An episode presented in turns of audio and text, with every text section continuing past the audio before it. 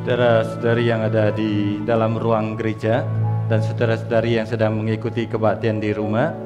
Shalom, kita bersyukur hari ini kita boleh bersama-sama beribadah kepada Tuhan dan belajar firman Tuhan. Sebelum kita membaca Alkitab, mari kita berdoa terlebih dahulu. Kami merendahkan hati kami di hadapan Tuhan, percaya kalau hari ini kami boleh hadir adalah anugerah Tuhan. Kami sudah menyanyi, memuji dan mengagungkan nama Tuhan dan sebentar kami akan membuka Alkitab, mempelajari kebenaran firman Tuhan.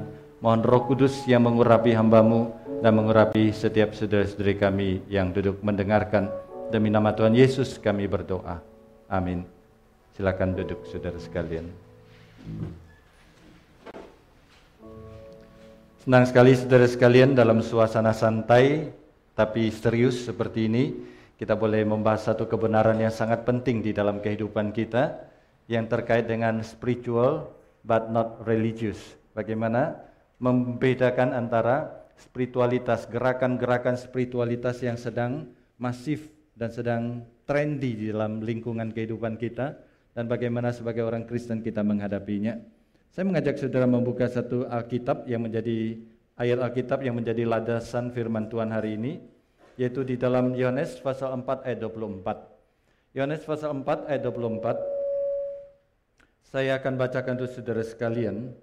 Yesus berkata, dalam konteks berkata kepada perempuan Samaria, Allah itu roh, dan barang siapa menyembah dia, dalam terjemahan uh, sesuai dengan bahasa aslinya, orang-orang yang menyembah dia. Jadi kalau barang siapa kesannya cuma pribadi per pribadi, tapi kalau dalam bahasa aslinya adalah orang-orang yang menyembah Yesus, menyembah Allah, ya jadi satu komunitas jadi ibadah itu adalah satu kegiatan komunal. Kita bisa sendirian, tapi lebih dipentingkan adalah komunal. Itulah alasan kenapa dalam pandemi ini kita tetap perlu berkumpul meskipun lewat Zoom dan meskipun sebagian saja, tapi itu adalah unsur komunal kita. Orang-orang yang menyembah Allah harus menyembah dalam roh dan menyembah dalam kebenaran.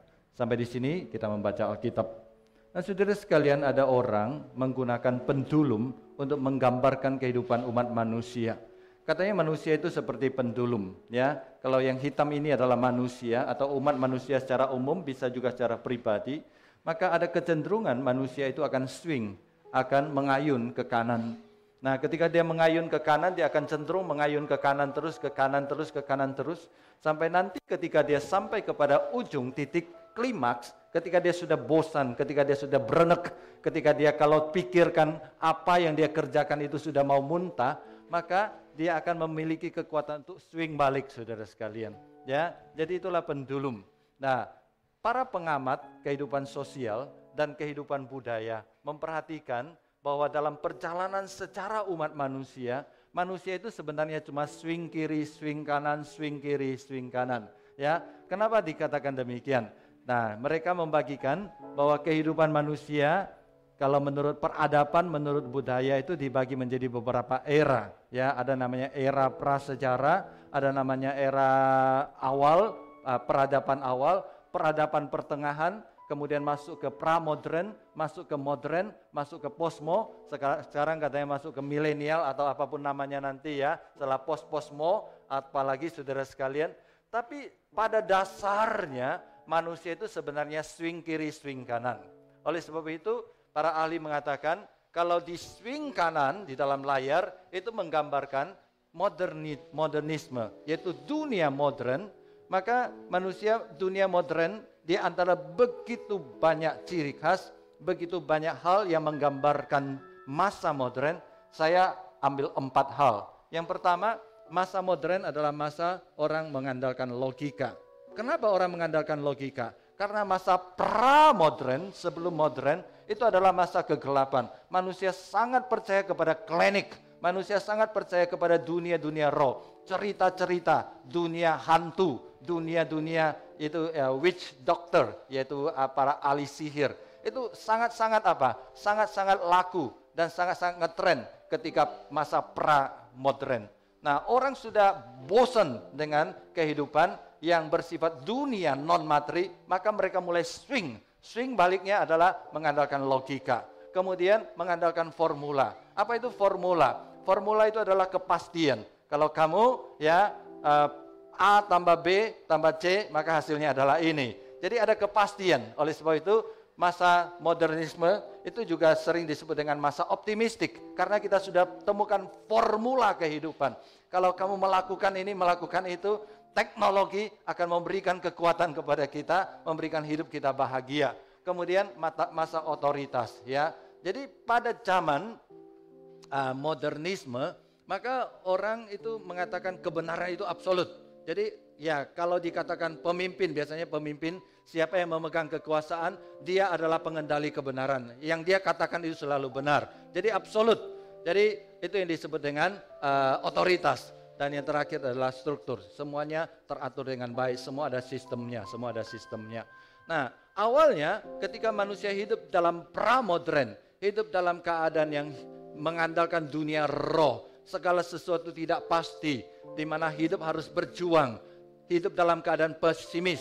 Tiba-tiba ada pandangan seperti ini, mereka senang. Lalu ada namanya uh, euforia, seolah-olah modernisme itu adalah jawaban bagi segala-galanya. Tapi saudara dan saya tahu, ya, saya mungkin masih produk dari modernisme, ya. Oleh sebab itu orang mengatakan generasi saya adalah generasi kolonial. Ya, saudara sebagian besar adalah generasi apa? Generasi milenial. Ya, Nah, saudara adalah makhluk zaman now, saya adalah makhluk zaman old, saudara sekalian ya. Maka kalau tanya saya, saya lebih senang struktur, struktur, struktur, saudara sekalian. Karena pikiran saya itu masih sangat terpengaruh oleh zaman modern. Tidak apa-apa, saudara sekalian. Tidak ada salahnya dengan zaman modern dan tidak ada salahnya dengan zaman posmo. Tapi ketika manusia sudah mulai apa-apa saja diatur dan otoritas itu apa kebenaran itu harus ikut otoritas ya. Segala sesuatu sepertinya tidak ada ruang kreativitas, ruang mengembangkan diri. Manusia mulai bosan. Akhirnya mereka bilang, ayo kita tinggalkan modernisme. Maka swing balik saudara sekalian. Lahirlah apa yang disebut dengan postmodernisme. Ya, saya kasih warna merah. Post itu adalah lawannya saudara sekalian. Itulah manusia ya. Kalau kamu kasih pahit terus maka dia cari yang manis. Kalau kamu cari manis terus dia akan cari yang pahit. Nah seperti itulah. Ketika manusia sudah bosan dengan logika apa-apa digambarkan dengan logika. Maka zaman posmo digambarkan dengan apa saudara sekalian? Intuisi. Ya, iya. Jadi feeling saudara sekalian ya. Feel kamu apa? Ya, jadi suasana itu lebih menentukan. Formula itu tidak lagi menentukan. Yang menentukan adalah konteks ya, otoritas. Jadi kebenaran itu tidak absolut. Kebenaran itu bukan satu. Kebenaran itu banyak, tergantung kepada konteks ya. Yang sering digambarkan itu adalah angka 6. Ya, angka 6 tergantung kamu berdiri di mana. Kalau kamu berdiri di ujung yang ujung, ujung lancipnya itu angka 9. Kalau kamu berdiri di ujung daripada lonjongnya itu, bulatannya itu, itu adalah 6. Jadi kebenaran adalah seperti itu, tergantung konteks. Jadi tidak ada kebenaran yang absolut. Itu adalah salah satu moto dari postmodernisme. Da, tapi yang paling uh, mempengaruhi kehidupan umat manusia adalah konten. Yang lebih penting adalah konten. Jadi struktur itu tidak penting, yang penting adalah isi, yang penting adalah feel saya, apa yang saya rasakan, bagaimana saya diterima oleh lingkungan saya. Jadi zaman uh, modern, modernisme adalah orang sangat individualistik, tapi kalau posmo, posmo mereka juga individualistik, tapi individualistik dalam keadaan komunal. Kita bersama-sama. Jadi orang zaman posmo itu paling takut dianggap ketinggalan zaman jadi ada tren ini dia ikut, ada tren itu ikut ya. Itu namanya apa? Namanya semangat posmo. Nah saudara sekalian semangat posmo tanpa kita sadari itu mempengaruhi seluruh bagian kehidupan umat manusia ya. Mulai dari apa saudara sekalian? Mulai dari fashion ya. Dari fashion jadi hari ini saya agak salah salah salah pakaian saudara sekalian ya. Atas agak posmo, bawah tetap celana kain saudara sekalian ya. Ya, ta karena tadi saya ibadah satu, saya punya satu celana jin, itu juga dikasih orang saudara sekalian ya. Saya sudah beritahu istri saya saya mau ganti jin, tapi saya bilang nggak apa-apa lah, sama aja saya bilang ya. Nah, jadi seharusnya apa? Seharusnya uh, itu ya kalau zaman modern itu harus rapi saudara sekalian ya, disetrika ya. Sepatunya harus mengkilap saudara sekalian. Tapi kalau zaman posmo tidak apa-apa, yang penting kakimu tertutup, saudara sekalian. Ya, jadi tidak apa-apa. Yang uh, yang penting ada sesuatu yang membalut uh, kakimu dan ya semakin tidak berbentuk, semakin punya nilai seni itu semakin baik. Mempengaruhi fashion, ya. Nah, di antara begitu banyak hal, saya akan membahas dua hal. Satu sebagai pengantar, tapi satu sebagai bagian dari uh, materi kita. Yang pertama itu berkaitan dengan makanan, saudara sekalian, ya, berkaitan dengan makanan. Nah, kalau zaman orang modern itu namanya fine dining. Apa itu fine dining? Nah, kalau orang zaman modern makan seperti ini, saudara sekalian. Ya, jadi harus duduk dengan rapi, masuk ke restoran harus pakai jas, saudara sekalian. Ya, pelayannya pakai dasi kupu-kupu. Kemudian apalagi saudara sekalian, kalau duduk maka satu persatu muncul ya. Saudara pernah fine dining? Ya, yang pernah fine dining enak tidak saudara sekalian? Ya, nah, tidak enak. Kenapa? Karena duduk ya. Sebab kita baru duduk, menunya sudah ditulis di sana, kemudian sudah ditentukan ini, ini, ini, ini, ini. Semua sudah ditentukan ya. Kemudian duduk di mana pun sudah ditentukan ya. Kemudian susunan garpunya, susunan pisaunya itu sudah ditentukan. Setelah ini pakai ini, pakai ini, pakai ini. Saudara itulah semangat modern, terstruktur ya, otoritas. Ya, kalau mau makan di sini harus ikut peraturan. Kalau kamu tidak ikut peraturan, semua orang akan lihat kamu dan kamu malu, saudara sekalian. Itu modern, saudara sekalian ya. Nah, saya kadang-kadang diajak fine dining. Saya bosan sebenarnya, saudara sekalian. Kenapa? Duduk setengah jam ya, lihat menu berikutnya salmon, saudara sekalian ya. Lumayan ya, salmon ya. 15 menit tunggu salmonnya keluar, piringnya besar, saudara sekalian ya. Salmonnya itu lebih kecil daripada ini, saudara sekalian. 15 menit, saudara sekalian. Dua menit selesai, nggak perlu dua menit selesai. Tunggu lagi saudara sekalian. Tapi itulah namanya semangat modern. Ya, lama-lama orang bosan. Akhirnya mereka swing balik. Swing baliknya ke mana saudara sekalian? Nah ini ya. Nah ini semangat postmodern saudara ya. You are the chef saudara sekalian. Saudara siapa tahu yang yang yang ini be your own chef. Ini restoran mas. Ngomong-ngomong saya tidak dibayar oleh restoran apa pun juga sudah sekalian ya. Nah, ini cuma contoh saja ya. Ya, be your own chef. Itu dari restoran mana? Uh, kayaknya saya nggak tahu di Indonesia ada ada atau tidak. Ini adalah satu restoran yang dibuka oleh orang Indonesia di Singapura namanya 18 Chef ya 18 chef. Katanya 18 chef itu gabung jadi satu. Lalu kalau kita masuk di sana, saya orang zaman kolonial, masuk ke sana bingung saudara sekalian ya. Dikasih kertas, disuruh tulis. Tulis apa saya bilang saudara sekalian ya. Saya biasa masuk kue tiaw, mie goreng, ah, itu sudah jadi saudara sekalian. Jadi saya sudah terbiasa diperintah dan ikut peraturan. Nah anak saya langsung tot tot tot tot tot tot, tot saudara sekalian. Main course-nya apa, tambah ini apa, tambah itu apa, tambah itu apa. Bingung saudara ya. Akhirnya saya bilang kamu pilih Dedi aja, Dedi bingung saudara sekalian. Jadi itulah itulah zaman semangat posmo di mana kita bisa pilih makanan kita apa, minuman kita apa, tambah saus ini apa, tambah itu apa, tambah itu apa. Nah, kemudian yang ini adalah abnormal saudara sekalian ya. Ini makanan ya makan kenyang, ya yang penting kenyang saudara sekalian. Tidak ada peraturan di dalam ya. Mau makan berapa, mau makan seperti apa, mau pakai garpu, mau pakai tangan juga boleh saudara sekalian. Nah, inilah semangat. Semangat apa? Ini semangat modern di mana semua terstruktur, rapi, ya kita mau jadi orang modern, kita mau jadi orang terhormat. Tapi inilah semangat postmodern. Kita jadi orang apa adanya. Kita tekankan feel kita. Kalau semua orang senang, kita semua orang pakai pakai tangan nggak apa-apa? Oke, makan pakai tangan ya. Kita semua makan ini, oke, makan pakai ini. Ah, habis itu kita pergi, oke. Jadi tidak perlu ada peraturan apa pun juga. Nah, saudara sekalian, ini adalah satu aspek yang dipengaruhi oleh swing kiri, swing kanan itu.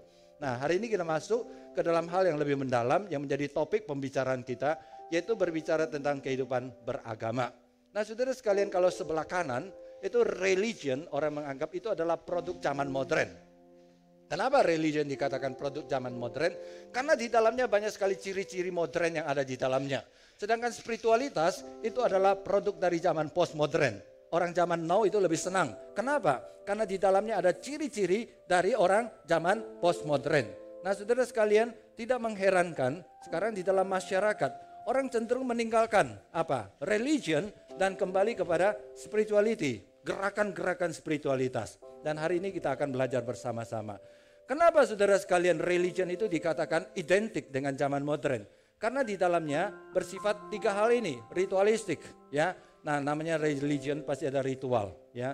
Nah, sebenarnya ritual itu tidak tidak buruk. Ritual itu indah, ritual itu suci, ritual itu sesuatu yang baik. Tapi kalau ritual dilakukan for the sake of ritualism, hanya karena ada ritual kita lakukan, maka yang tinggal cuma kerangkanya, tapi rohnya tidak ada di dalam. Dan itulah kesalahan dari banyak gereja. Sehingga mereka punya banyak sekali liturgi, punya banyak kegiatan, duduk, berdiri, kemudian uh, lakukan ini, lakukan itu, ada lagu ini, ada lagu itu. Sebenarnya dibalik daripada semua kegiatan liturgi, liturgi, dibalik daripada semua ritual, itu ada filosofi rohani yang indah. Tapi ini tidak diajarkan. Sehingga ritual itu menjadi sebuah seperti sebuah casing yang di dalamnya sudah tidak ada apa-apa lagi. Itu membosankan saudara sekalian. Bagi orang-orang yang posmo itu sesuatu yang membosankan. Kemudian bersifat legalistik. Legalistik itu artinya apa? Ini boleh kamu lakukan, itu tidak boleh kamu lakukan. Ini boleh kamu lakukan, itu boleh boleh kamu lakukan. Ini totally bertentangan dengan apa? Dengan semangat postmodern Semangat postmodern saya katakan tadi, tidak ada kebenaran absolut. Sesuatu itu bersifat apa? Sesuatu itu bersifat kontekstual, ya. Nah, banyak orang postmo mengatakan, tentu ini pandangan yang salah Saudara sekalian ya. Pandangan yang salah. Tapi orang postmo itu berpikir, ya, aborsi itu baik atau tidak? Nah, menurut Alkitab dan seharusnya kita sebagai orang Kristen punya keyakinan aborsi itu salah karena itu pembunuhan. Tapi kalau kamu ikut trennya postmo, aborsi itu baik atau tidak? Bisa baik, bisa tidak. Tergantung. Tergantung konteksnya. Kalau kita semua setuju aborsi itu baik, maka itu baik. Kalau kita semua setuju aborsi itu tidak baik, itu jadi tidak baik. Jadi saudara sekalian, di satu pihak posmo itu membuat manusia terlepas dari kungkungan ya satu struktur yang tidak penting yang disebut dengan legalistik. Tapi di pihak lain Posmo itu membebaskan manusia menjadi terlalu bebas sehingga tidak memiliki pegangan dan hidupnya pasti akan mengalami chaos dan kekacauan. Oleh sebab itu kita tetap perlu satu kebenaran absolut, tapi kebenaran absolut itu harus disampaikan secara kontekstual. Jadi seperti saya katakan tadi, kalau kita pegang Alkitab maka selamanya aborsi apakah setuju atau tidak setuju itu tetap dosa karena itu menurut Alkitab absolut. Cuma cara menyampaikannya, cara mengajarkannya itu harus kontekstual, harus sesuai dengan kondisi dari orang yang menerimanya. Nah, kemudian yang ketiga itu bersifat mekanistik ya. Seolah-olah orang masuk ke dalam agama mereka sudah menjadi apa? Menjadi ahli waris surga dan sebagainya. Itu adalah uh, apanya? sindiran-sindiran yang disampaikan kepada kaum religion Saudara sekalian. Oleh sebab itu manusia lama-lama dia ke gereja, lama-lama dia ke, ke, ke, ke tempat ibadah ini, ke, ke tempat ibadah itu, lama-lama dia tidak merasakan apa yang dia inginkan, apa yang dibutuhkan, khususnya bagian inner beingnya, bagian kehidupan rohaninya, itu tidak terpenuhi. Maka mereka mulai swing saudara sekalian, mulai swing. Mari kita tinggalkan ritual. Untuk apa ritual? Untuk apa berdiri, duduk, berdiri, duduk. Baca ini, baca itu. Tinggalkan itu nggak penting. Ya, Pasti ditanya kan? Nah, sebenarnya saya katakan semua ritual itu baik, semua ritual itu indah. Cuma salahnya kita apa? Tidak menjelaskan kenapa ada ritual ini dan kenapa ada ritual itu. Kalau kita jelaskan itu pasti kita semua akan menikmatinya karena kita menjalaninya dengan maknanya. Maka orang mulai masuk ke dalam dunia gerakan-gerakan spiritualitas ya. Nah, eh, gerakan spiritualitas itu dari ritual mereka mengatakan ya kita connecting, ya connecting to people, connecting to others, connecting to God, connecting to the the the the, the, the other, the other one, ya yaitu uh, the holy other, yaitu Tuhan yang ada di atas. Kemudian yang kedua berbicara tentang choice, ya kalau legalistik itu kita tidak punya pilihan. Alkitab mengatakan dosa itu dosa.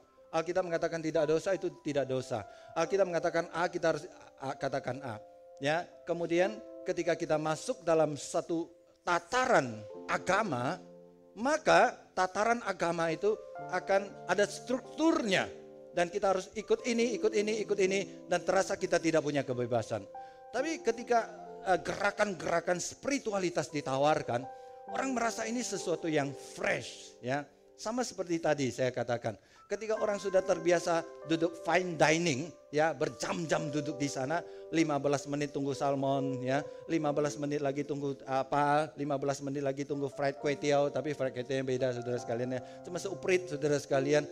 Nah akhirnya mereka bilang, kenapa kita duduk di sini? Tunggu, mari kita ke toko sebelah toko sebelah jualnya bebas kita pilih, tidak perlu ganti-ganti, tidak tidak perlu tunggu-tunggu. Ada choice saudara sekalian, ada kebebasan ya, freedom. Dan kalau di sini bersifat mekanistik. Kenapa saya lakukan ini? Kenapa saya lakukan itu? Karena saya disuruh, karena saya diatur. Tapi di sini otentik. Nah, jadi saudara sekalian, kedengarannya ini menjanjikan, ya. Kedengarannya ini menarik. Oleh sebab itu tidak jarang, ya. Bahkan orang-orang yang sudah aktif beribadah di gereja, bahkan sudah melayani, merasa perlu ikut gerakan spiritualitas, gerakan-gerakan ini. Ya, ikut ini, ikut ini, ikut ini, ikut ini. Nah, saudara sekalian, apa itu spiritualitas? Apa itu gerakan spirituality? Ya, nah uh, sebenarnya itu adalah satu topik yang luas, luar biasa luas. Tapi saya persingkat saja.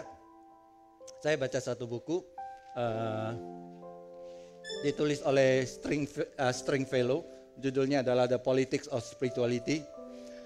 Dia mengatakan uh, yang namanya spiritualitas itu ya, ini. Mulai dari Stoic attitude, occult phenomena, occult phenomena itu, occult itu adalah dunia roh jahat, practice of so-called mind control, yoga, escapist fantasies, interior journeys, uh, Eastern religions, banyak sekali ya, uh, meditation, jogging cults, kemudian wilderness sojourns, political resistance, contemplation, abstinence, hospitality, vacation of poverty, ya. Ya, jadi uh, kita pura-pura jadi orang miskin yuk, mari kita pergi vacation ya. Ya, jadi itu namanya spiritualitas ya. Jadi segala sesuatu pokoknya yang melawan struktur, yang melawan otoritas, yang melawan legalisme. Itu namanya spirituality. Yang paling menarik kalimat terakhir. Or I suppose among these and many other things, apa saudara sekalian? Squatting on the top of a pillar, saudara sekalian ya. Bayangkan, ini adalah satu pillar, saudara jongkok di atas duduk. Itulah spiritualitas, saudara sekalian. Kenapa? Karena kamu sedang bebas sekarang kamu lepas dari legalistik, kamu bebas dari struktur dan kamu bisa menjadi dirimu sendiri dengan squatting di atas apa sebuah pilar. Jadi saudara sekalian saya katakan lagi ya, gerakan postmodern, semangat postmodernisme itu ada baiknya, yaitu membuat manusia itu bisa lepas sedikit terlepas daripada kungkungan, daripada belenggu modernisme. Tapi kalau postmodernisme itu tidak dibatasi, itu akan menjadi liar dan chaos. Sehingga segala sesuatu bisa jadi segala sesuatu. Coba bayangkan, segala sesuatu bisa jadi segala sesuatu. Dan manusia bisa menentukan segala sesuatu. Nah kalau ke dalam bagian yang lebih dalam lagi saudara sekalian. Kalau modernisme manusia itu mengandalkan otak pikiran sebagai penguasa. Maka eh, postmodernisme mengandalkan aku, perasaanku, intuisiku, perasaanku menjadi penentu segala sesuatu. Jadi baik gerakan modernisme maupun gerakan postmodernisme kalau sampai kepada akar-akarnya itu sebenarnya adalah sesuatu yang tidak baik karena tidak menjadikan Tuhan sebagai pusat segala kehidupan kita. Oleh sebab itu kita setelah melihat gambaran singkat tentang apa itu spiritualitas dan bagaimana mengapa manusia lari kepada gerakan spiritualitas. Nah, kita masuk ke dalam hal yang lebih dalam. Nah, bagaimana tanggapan kita? Ya, karena tentu banyak hal yang kita bahas tapi karena waktu yang sangat terbatas, kita langsung zoom in kepada pandangan kita sebagai seorang Kristen, sebagai anak Tuhan. Ya, apakah kita boleh ikut gerakan spiritualitas? Menurut saudara gimana? Boleh ya? Boleh? Boleh titik atau boleh dengan koma? Boleh dengan koma. Apa di, belak di belakang koma itu?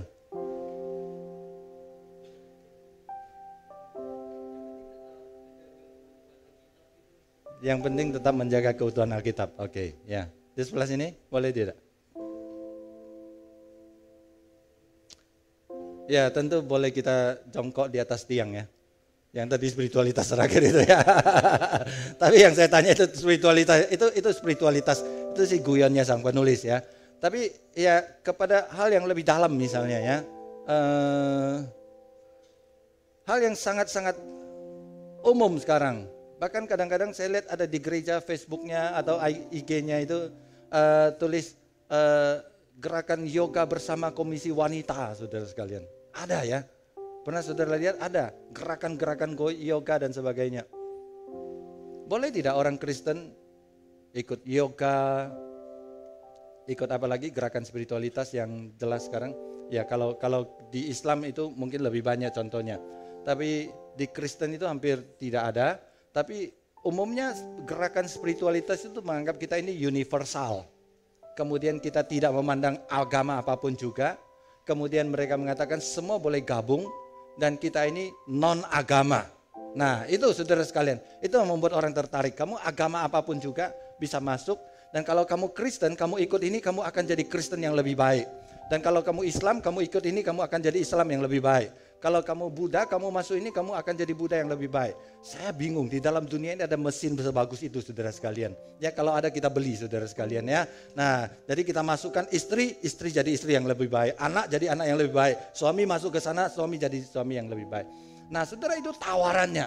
Nah, saya katakan, karena manusia sudah desperate, sudah merasa muak dengan struktur, legalistik, ritualisme, mekanistik, maka manusia itu gampang sekali tertawan dengan propaganda-propaganda, iklan-iklan yang sebenarnya sangat-sangat berlebihan. Karena gerakan spiritualitas tidak seindah yang dibayangkan. Nah kita lihat saudara sekalian, yang pertama saudara sekalian. Apa yang ditawarkan oleh gerakan spiritualitas? Gerakan spiritualitas cuma menawarkan tiga hal. Yang pertama, peace of mind. Kamu duduk tenang. Kamu cium bau ini, aroma terapi ini. Kamu kosongkan pikiran kamu. Minta siapa? Kevin ya? Hah? Leo, minta Leo makan musik. Peace of mind. Kemudian yang kedua, Body relaxation. Tubuh jadi lebih seger. Yang ketiga yang menakutkan. Personal encountering. Jadi banyak orang mengatakan kalau saya ke gereja, saya ke ke, ke tempat ini, tempat ibadah ini, saya tidak mengalami encounter, personal encounter dengan Tuhan. Setelah sebelum saya masuk ke ruang kebaktian dan setelah itu saya keluar, saya tidak merasa di dalam ruangan gereja saya encounter dengan sesuatu yang wah, sesuatu yang membuat hati saya takjub, yang membuat hati saya merasa saya menjadi manusia yang berbeda. Banyak orang mengatakan ketika saya mempraktekkan gerakan-gerakan spiritualitas, maka setelah saya satu jam duduk di sana, dua jam duduk di sana, satu hari saya melakukan itu, saya keluar, saya jadi manusia baru karena saya encounter something. Saya bertemu, mengalami penjumpaan pribadi dengan seseorang. Nah, saudara sekalian, hati-hati. Kenapa? Karena semua ini adalah bersifat sangat subjektif. Saudara, peace of mind itu sesuatu yang subjektif. Body relaxation itu juga subjektif. Oleh sebab itu saudara sekalian, yang ditawarkan oleh spiritualitas itu tiga hal ini. Jadi namanya peace of mind. Nah, khusus di sini saya berbicara tentang yoga. Saudara harus berhati-hati dengan yoga. Nah, sebagai pendeta banyak orang bertanya kepada saya, Pak Pendeta boleh tidak saya ikut yoga? Kalau dia perempuan, saya tanya, yoga itu suami kamu tidak? Ya suami kamu boleh ya. Nah ini jebakan kan. Pak pendeta boleh tidak saya ikut yoga? Boleh. Ternyata yoga itu pacar gelapnya. Maka dia pergi ikut. Pak pendeta sudah izinkan kok saya ikut yoga katanya ya. Bukannya guyon saja ya. Kalian nggak nangkep. Ya. Nah, nah saudara sekalian boleh tidak saya ikut yoga katanya ya. Akhirnya saya tanya balik. Yang kamu maksud yoga itu apa? Dia bilang saya duduk di sana, kemudian saya ada sedikit uh, aromaterapi, kemudian saya dibantu dengan uh, bukan mantra tapi dengan bacaan, dengan pikiran, kemudian saya duduk di sana, saya bermeditasi, kemudian setelah itu saya segar kembali, atau saya dilatih dengan gerakan-gerakan yoga tertentu, setelah itu tubuh saya agak rileks ya. Nah, saya bilang kalau untuk tahapan itu masih oke. Okay. Tapi yoga yang sesungguhnya, saudara tahu yoga itu apa artinya? Yoga itu artinya united, bersatu. Bukan Manchester United, tapi united dengan apa? United dengan the cosmology power. Nah sebenarnya itu sangat new age. Ya, New Age itu adalah sesuatu ya. Jadi New Age dan Posmo itu adalah kakak beradik. Saya tidak tahu siapa lahirkan siapa. Itu saudara kembar saudara sekalian. Ada New Age pasti ada Posmo di dalamnya. Jadi semangat New Age itu adalah kita bersatu dengan alam. Ketika kita membuka cakra kita, cakra bawah kita di dalam tubuh kita banyak cakra.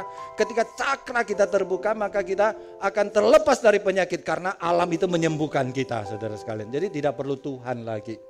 Nah, saya tanya, kalau mereka ikut yoga dan ternyata yoga itu sudah tingkat dalam di mana dia harus membaca mantra dan mengikuti ritual-ritual khusus sehingga kalau yoga asli seharusnya dia akan apa? Dia akan bisa transcend sampai mengambang dan sebagainya. Nah itu sudah masuk ke dalam dunia yang berbeda, penyembahan berhala saudara sekalian. Oke, saya tidak punya banyak waktu sampai untuk membahas itu, tapi saya katakan bahwa yang ditawarkan oleh spiritualitas sebenarnya itu bukan yang paling dibutuhkan oleh manusia. Manusia supaya bisa peace of mind, manusia supaya punya tubuh yang sehat, manusia bisa mengalami penjumpaan yang benar dengan Allah yang benar, maka manusia sebenarnya adalah harus menyelesaikan masalah dosa. Oleh sebab itu gerakan spiritualitas tidak seperti iklannya. Iklan spiritualitas mengatakan, ayo gabung bersama dengan saya, maka masalah di dalam kehidupanmu akan selesai. Tidak saudara sekalian. Spiritualitas itu, gerakan spiritualitas itu cuma satu escape. Melarikan diri daripada semua keterkungkungan di dalam modernitas. Dan semua yang menjadi rigid, menjadi sesuatu yang begitu kaku di dalam satu sistem yang tidak benar.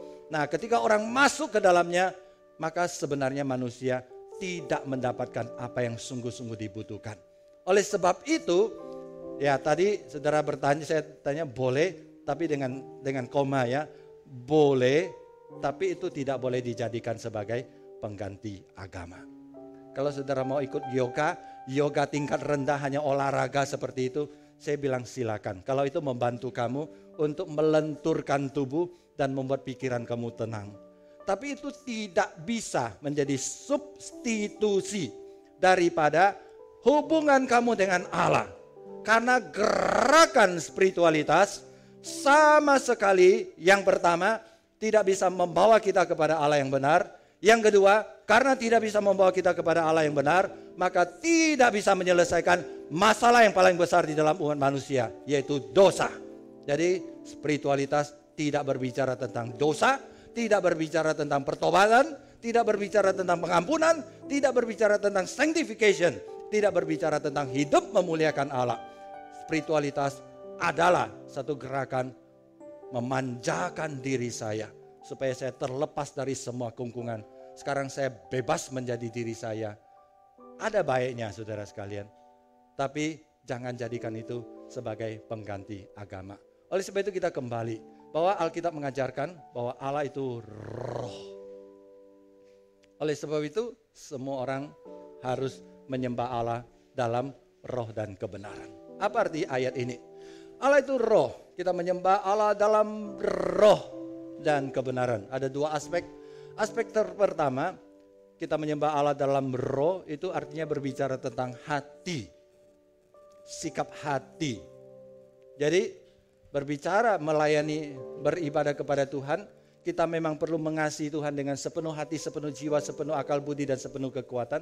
Tapi ketika kita berbicara dalam menyembah kepada Allah, itu sangat menekankan sikap hati kita. Niat kita. Kita datang ke gereja untuk apa? Itu niat saudara sekalian. Aspek lain adalah ketika Allah berkata kita harus menyembah dalam roh dan kebenaran, maka Allah uh, Alkitab menggambarkan sebagai manusia yang diciptakan menurut gambar dan rupa Allah, manusia memiliki satu unsur, satu elemen yang tidak dimiliki oleh ciptaan lain, yaitu roh. Karena itu manusia bisa beribadah kepada Tuhan. Dan di dalam alam semesta ini, di antara semua ciptaan, cuma manusia yang punya agama dan manusia yang bisa menyembah. Siapa yang pelihara anjing? Anjing kamu agamanya apa? Enggak ada kan? Ya, enggak pernah ya. Di dalam satu gereja ada 10 anjing duduk di sini lalu nyanyi haleluya, haleluya. Enggak ada saudara. Kenapa? Karena anjing enggak, enggak punya roh. Jadi, kalau kita menggunakan spiritualitas, kita seperti menggunakan kendaraan yang salah untuk mencapai Allah. Hanya ada satu kendaraan yang Allah izinkan bagi kita untuk menghadap dan menghampiri dia. Itu roh kita, sikap hati kita, niat kita. Yang kedua, menyembah dalam kebenaran. Saudara sekalian, apa itu kebenaran? Ya, kembali saudara sekalian kalau saya tanya kepada Posmo, Posmo itu mengatakan apa? Tidak ada kebenaran yang absolut. Betul tidak? Tidak ada kebenaran yang absolut. Saudara sekalian, kalimat tidak ada kebenaran yang absolut itu juga tidak absolut saudara sekalian. Karena tidak ada kebenaran absolut. Kalimat itu juga tidak absolut. Jadi sebenarnya ada kebenaran absolut saudara sekalian ya.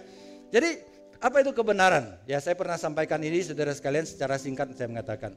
Kebenaran itu harus memenuhi tiga unsur. Dan Yesus memenuhi ketiga unsur itu. Yang pertama kebenaran itu harus eksklusif kebenaran harus universal, dan kebenaran harus kekal. Kebenaran harus eksklusif artinya dua tambah dua hanya boleh empat.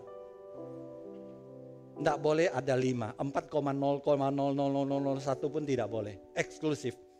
Empat mengatakan dia benar, yang lain salah. Kebenaran universal. Dua tambah dua di Indonesia, di Amerika, di bulan, di planet Mars, di surga nanti kalau ada hitungan matematika itu juga empat. Kebenaran harus kekal, dulu, sekarang, sampai selama-lamanya itu benar. Saudara semua itu dipenuhi oleh Yesus Kristus. Kebenaran itu eksklusif. Yesus berkata, akulah satu-satunya jalan. Kebenaran itu universal. Kepadaku diberikan segala kuasa di sorga dan di bumi. Kemudian kekal. Yesus Kristus tetap sama kemarin, hari ini, maupun selama-lamanya. Jadi saudara sekalian ayat ini mengajarkan kepada kita.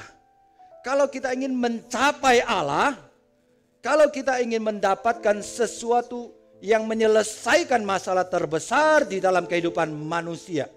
Dan kalau kita mau pakai bahasa anak muda sekarang, kalau kamu mau mengalami encountering yang sejati, mengalami penjumpaan yang sejati, kamu harus menyiapkan hati, sikap, niat supaya apa yang ada Allah ciptakan yaitu unsur roh yang ada di dalam diri kamu siap untuk bertemu dengan dia dan tidak sembarangan karena hanya ada satu jalan ke sana yaitu melalui Yesus Kristus.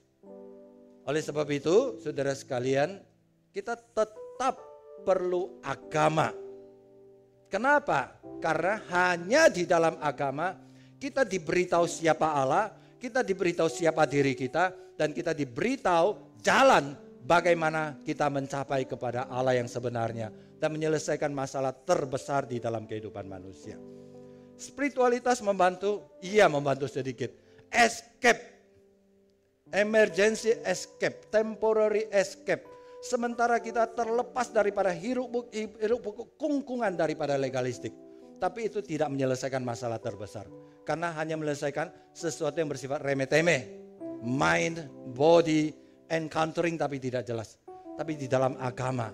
Ketika kita masuk ke dalam ibadah yang benar, di dalam roh, melalui kebenaran, maka kita akan bertemu dengan Allah yang sejati. Terakhir saudara sekalian. Ya, dan Alkitab itu mengatakan ini belum terakhir. Satu The truth will uh, shall set you free. Yesus Kristus akan membebaskan kita. Oleh sebab itu agama yang benar sebenarnya tidak menghukum. Agama yang benar sebenarnya membebaskan kita. Karena kita mengetahui kebenaran, maka kita bebas, ya. Dan terakhir saudara sekalian, pertanyaan balik kepada pertanyaan awal kita. Lalu mengapa banyak orang meninggalkan agama dan mengganti dengan spiritualitas? Saya amati dan saya temukan tiga masalah.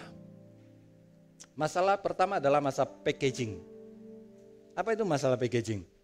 Ini adalah suara kritik. Kita kritik kepada gereja, kita dari gereja, saya pemimpin gereja, saya suara kritik kepada gereja, kepada diri saya, Seringkali saya berbicara tidak konteks agama lain, konteks uh, gereja. Saya tidak berbicara tentang gereja lain, saya berbicara tentang GKI Puri. Ya, sebagai gembala GKI Puri kadang-kadang kita itu kadang-kadang ya kita bersyukur sekarang sudah mulai ada perubahan. Mungkin ya saudara sekalian, kita itu mempackage sesuatu tapi tidak sesuai dengan konteks. Maksud saya begini. Kita mempackage sesuatu tapi uh, kebaktian ya, kita mempackage kebaktian. Selama ini kita juga cuma memperhatikan usia. Anak sekolah minggu kebaktiannya ini, anak remaja kebaktiannya ini, anak umum kebaktiannya ini. Jadi kita mempackage berdasarkan kondisi usia. Tapi kita jarang mempackage kebaktian sesuai dengan nilai zaman. Sesuai dengan tren yang sedang terjadi di dalam masyarakat.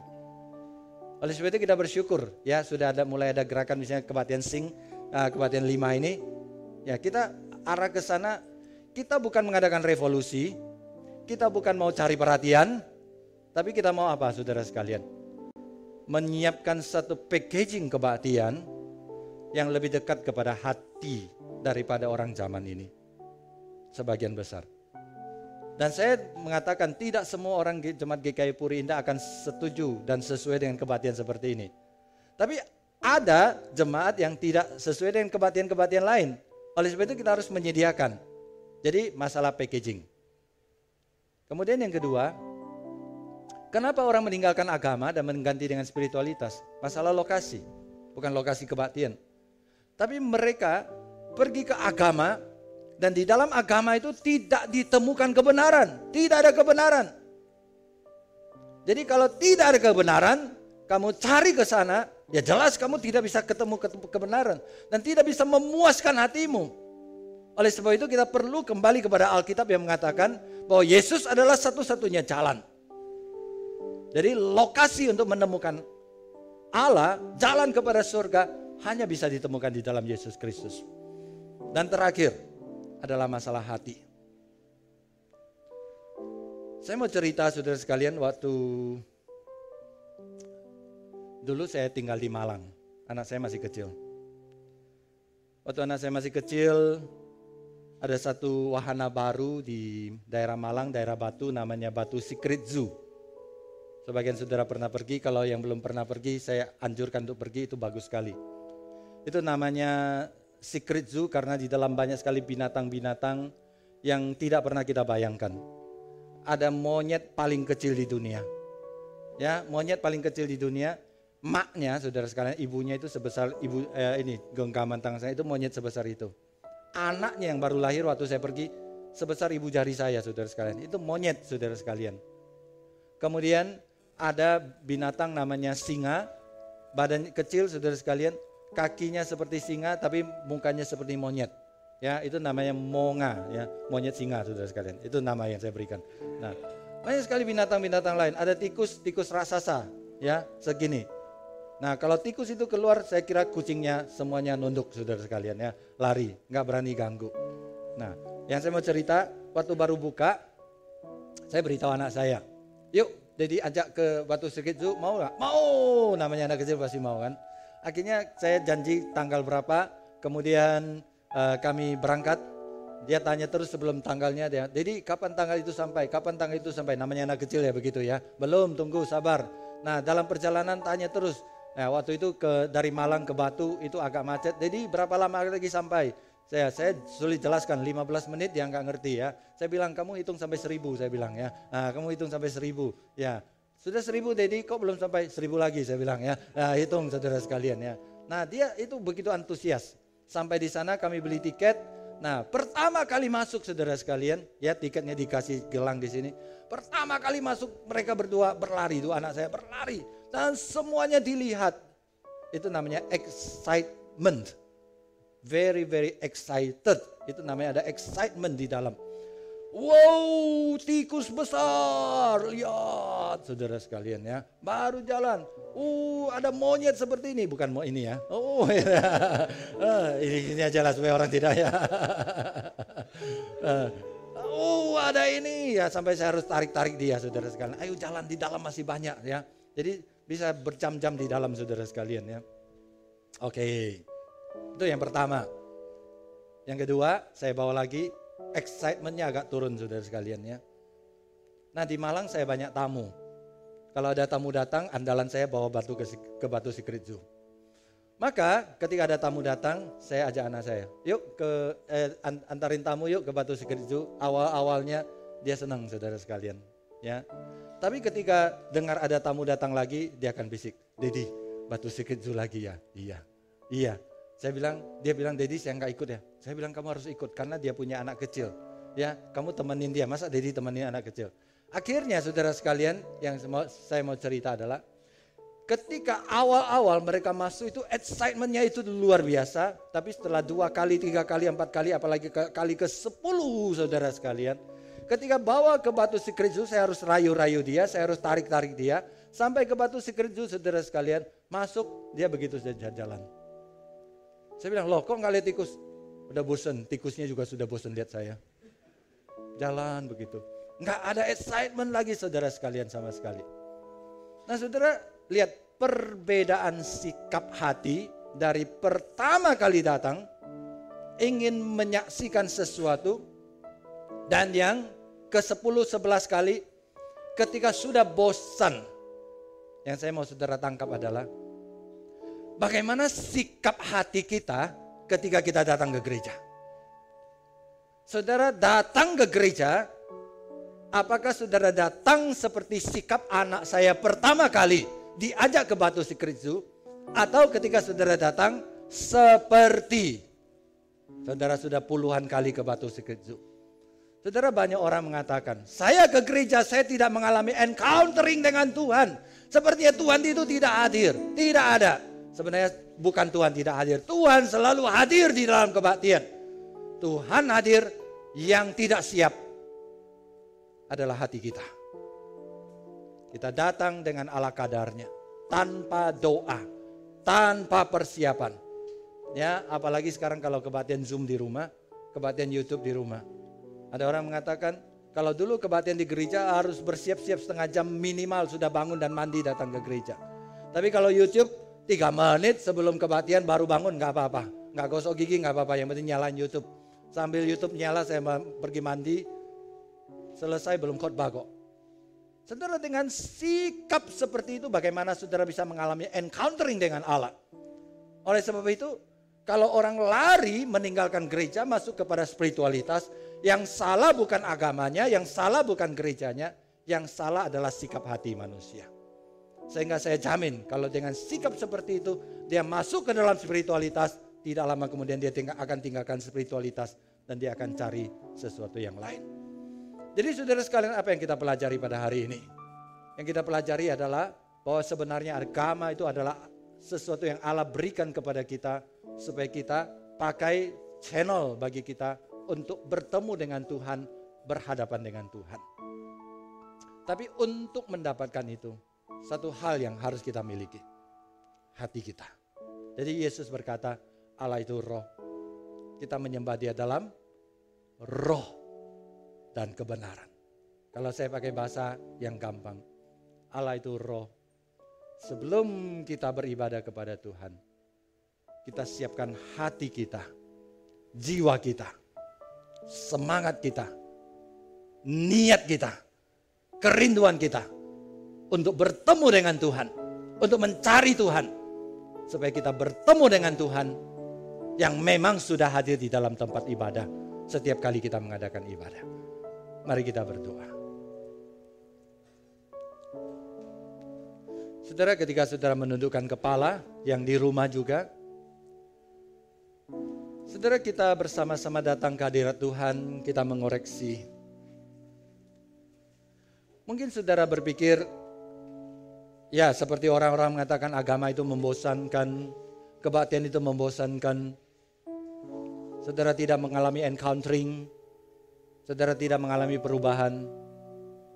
Kalau saya tantang balik, sebenarnya bukan Tuhan tidak hadir, sebenarnya bukan agama tidak punya kuasa, bukan kebaktian tidak punya kuasa. Tapi masalahnya lebih kepada hati kita yang tidak siap. Singer akan menyanyikan lagu referen dari bejanaku.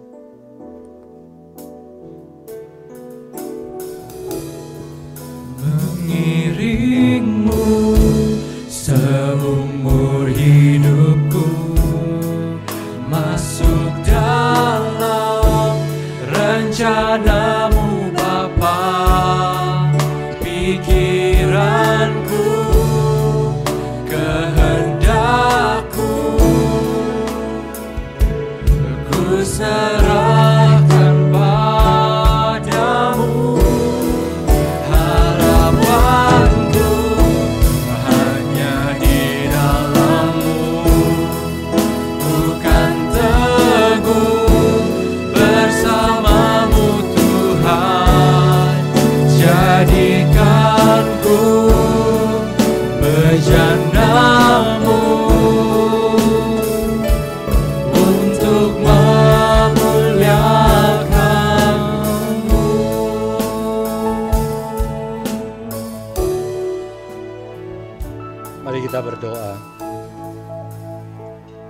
Bapa pada siang ini dengan jujur kami mengakui sering kali kami tidak siap beribadah ketika kami masuk di dalam ruang ibadah atau mengikuti ibadah. Akibatnya ketika kami tidak merasakan jamahan, sentuhan, tidak mengalami encountering pribadi dengan Engkau, kami menyalakan alat, kami menyalakan suasana kebaktian, kami menyalakan orang lain, bahkan kami menyalakan pengkhotbah, kami menyalakan WL, kami menyalakan orang lain dan membenarkan diri kami sendiri.